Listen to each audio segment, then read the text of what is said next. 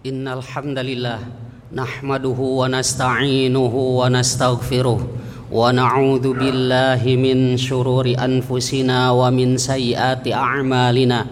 من يهده الله فلا مضل له ومن يضلل فلا هادي له. أشهد أن لا إله إلا الله وحده لا شريك له وأشهد أن محمدا عبده ورسوله. Allahumma salli ala Muhammad wa ala alihi wa ashabihi wa man tabi'ahum bi ihsanin ila yaumiddin. Ya ayyuhalladzina amanu taqullaha haqqa tuqatih wa la tamutunna illa wa antum muslimun. Amma ba'd. Faya ayyuhal muslimun rahimani wa rahimakumullahu jami'an. Alhamdulillah dengan izin dan pertolongan Allah Subhanahu wa taala kita bisa melaksanakan salah satu ibadah yaitu sholat Jumat insya Allah secara berjamaah dan juga mendengarkan khutbah. Mudah-mudahan ibadah kita diterima oleh Allah Subhanahu wa taala. Di hari yang berbahagia ini khotib mengajak kita semuanya untuk mentadaburi sebuah ayat yang sering kita baca. Minimal 17 kali kita baca. Ya di sholat kita ya yang fardu. Belum yang sunnah. Belum kita baca juga di luar sholat. Ayat ini sangat indah sangat luar biasa. Kalau kita tadaburi kita renungkan kita pahami bahkan kita praktekkan dalam kehidupan sehari-hari kita. Insya Allah kita semuanya sudah hafal. Tinggal mari kita tingkatkan bagaimana kita bisa memahaminya dan juga akhirnya kita pun bisa mengamalkannya. Yaitu iyyaka na'budu wa iyyaka nasta'in. Iyyaka hanya kepadamu ya Allah ya. Kak di sini kamu ini kepada Allah. Hanya kepadamu ya Allah na'budu. Kami ini menyembah wa iyyaka dan hanya kepadamu ya Allah nasta'in. Kami meminta atau memohon pertolongan. Ayat ini adalah inti dari surah Al-Fatihah.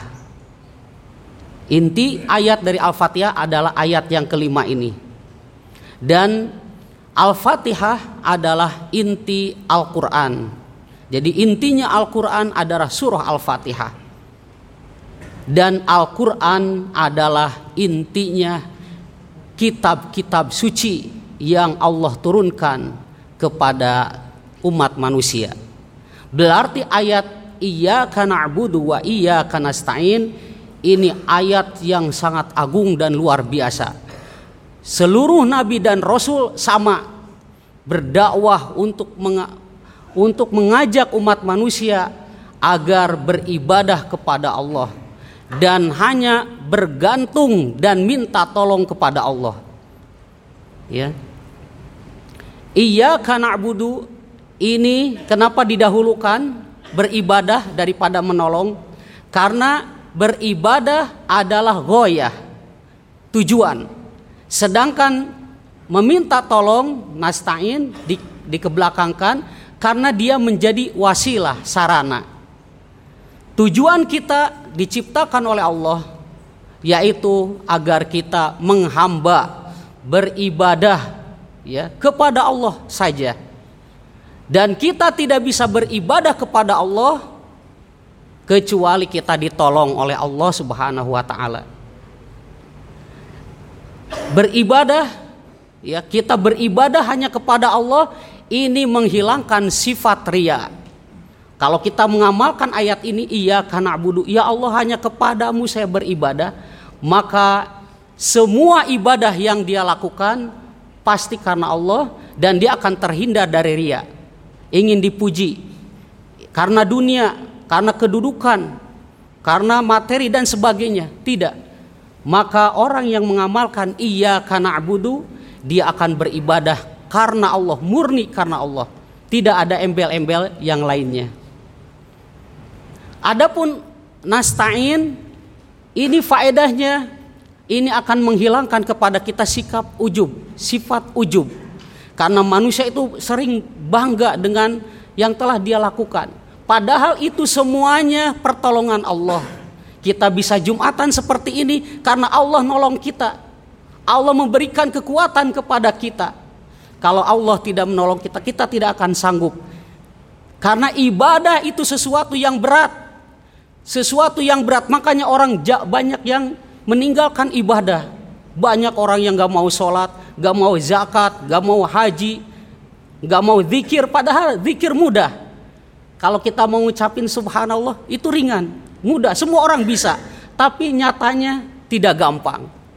Berarti ini ibadah ini ya kita tidak bisa melakukannya kecuali ditolong oleh Allah Subhanahu wa taala. Makanya kita perlu dan harus terus minta tolong agar kita kalau belum bisa melaksanakan ibadah, maka Allah menolong kita sehingga kita bisa menaikkan ibadah kepada Allah. Kalau kita sudah bisa beribadah seperti sholat, rajin sholatnya, maka kita berdoa kepada Allah agar sholat kita diterima oleh Allah. Agar sholat kita berkualitas, ibadah kita berkualitas, khusyuk ibadahnya, fokus sehingga mendatangkan kelezatan sehingga Allah kasih kepada kita surga dunia yaitu ketenangan, kenikmatan, kelezatan seseorang beribadah kepada Allah Subhanahu wa taala. Terus jangan lupa minta tolong kepada Allah agar ibadah yang kita lakukan istiqomah sampai kita meninggal dunia. Sebagaimana pesan Allah, wa'bud rabbaka hatta ya'tiyakal yaqin. Sembahlah Tuhanmu sampai ajal menjemputmu. Mudah-mudahan dengan kita rajin berdoa sebagaimana Rasulullah mengajarkan. Rasulullah setiap ba'da subuh dan ba'da asar gak pernah melewatkan minta tolong kepada Allah. Agar dimudahkan, agar ditolong baik urusan dunia terlebih-lebih akhirat. Nabi sering membaca Ya Hayyu wahai Allah yang maha hidup Wa ya wahai Allah yang maha berdiri Yang mengurus makhluknya birahmatika dengan rahmatmu ya Allah astagithu saya minta tolong ya Allah. Lihat Nabi SAW rajin setiap pada subuh pada asar baca itu. Birahmatika aslih li sya'ni kullah ya. Astagith saya minta tolong ya Allah aslih li sya'ni kullah. Perbaikilah seluruh urusanku ya Allah. Baik urusan dunia maupun urusan akhirat ya Allah Kemudian diakhiri dengan doa yang sangat indah kata beliau, wala takilni ila nafsi torfata'in. Jangan diserahkan kepadaku ya Allah urusan-urusan itu walaupun sekejap mata.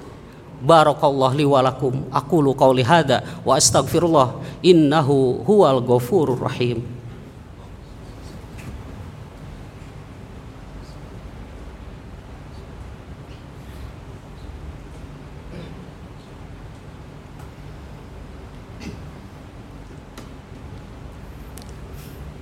Alhamdulillahi hamdan kathiran tayyiban mubarakan fih kama yuhibbu rabbuna wa yardah. Ashhadu an la ilaha illallah wa ashhadu anna Muhammadan abduhu wa rasuluh. Allahumma salli ala Muhammad wa ala alihi wa sahbihi ajma'in. Ma'asyiral muslimin, jamaah salat Jumat yang berbahagia. Kita menyadari dan kita tahu bahwasannya kita hidup di dunia hanyalah sementara, tidak terasa sebentar, ya sesaat. Namun kita dapat menyaksikan, mendengar, melihat, ya. Naudzubillahi min dzalik. Ada orang-orang yang lalai. Namun baru mereka akan menyesal ketika ajal menjemputnya. Jangankan ya sebelum dia dikuburkan, maka ketika sakaratul maut ya seorang hamba tersebut akan menyesal. Pingin ke dunia lagi pingin beribadah kepada Allah pingin beribadah kepada Allah dengan semangat dengan ikhlas karena Allah dan dengan sebaik-baiknya. Makanya saya akhiri di khutbah yang kedua ini. Mudah-mudahan ayat ini senantiasa kita ingat sebagai nasihat buat kita agar kita bisa istiqomah beribadah sampai ajal menjemput kita.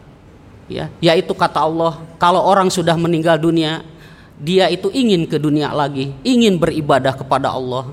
Si mayat tersebut ketika mau dicabut nyawa, ketika sudah di kerongkongan dia bilang Robbirji'un ya Allah kembalikan aku ke dunia ya baru dia sadar ketika dia dicabut nyawa oleh Allah Subhanahu wa taala ketika dia meninggal dunia baru dia sadar ya kemudian dia merayu kepada Allah ya Allah la'alli a'malu salihah fi ma ya Allah kalau saya bisa ke dunia lagi ya Allah maka saya akan beramal soleh karena dulu ya Allah saya ketika di dunia sering meninggalkan amal-amal soleh jarang beribadah kepadamu ya Allah. Tapi kata Allah apa? Kata Allah kala tidak bisa. Maka jamaah sekalian, mumpung ada kesempatan, mari kita bertobat kepada Allah, meminta ampun kepada Allah, dan minta tolong kepada Allah agar kita semuanya diberi kekuatan agar bisa beribadah kepada Allah dengan ikhlas karena Allah Subhanahu wa taala. Akhirnya kita pun berdoa kepada Allah agar Allah mengampuni dosa-dosa kita, menutupi aib-aib dan kekurangan kita dan mewafatkan kita husnul khotimah dan kita bisa istiqomah beribadah kepada Allah Subhanahu wa taala. Inna allaha wa malaikatahu yusalluna ala nabi. Ya ayuhalladzina amanu sallu alaihi wa sallimu taslima.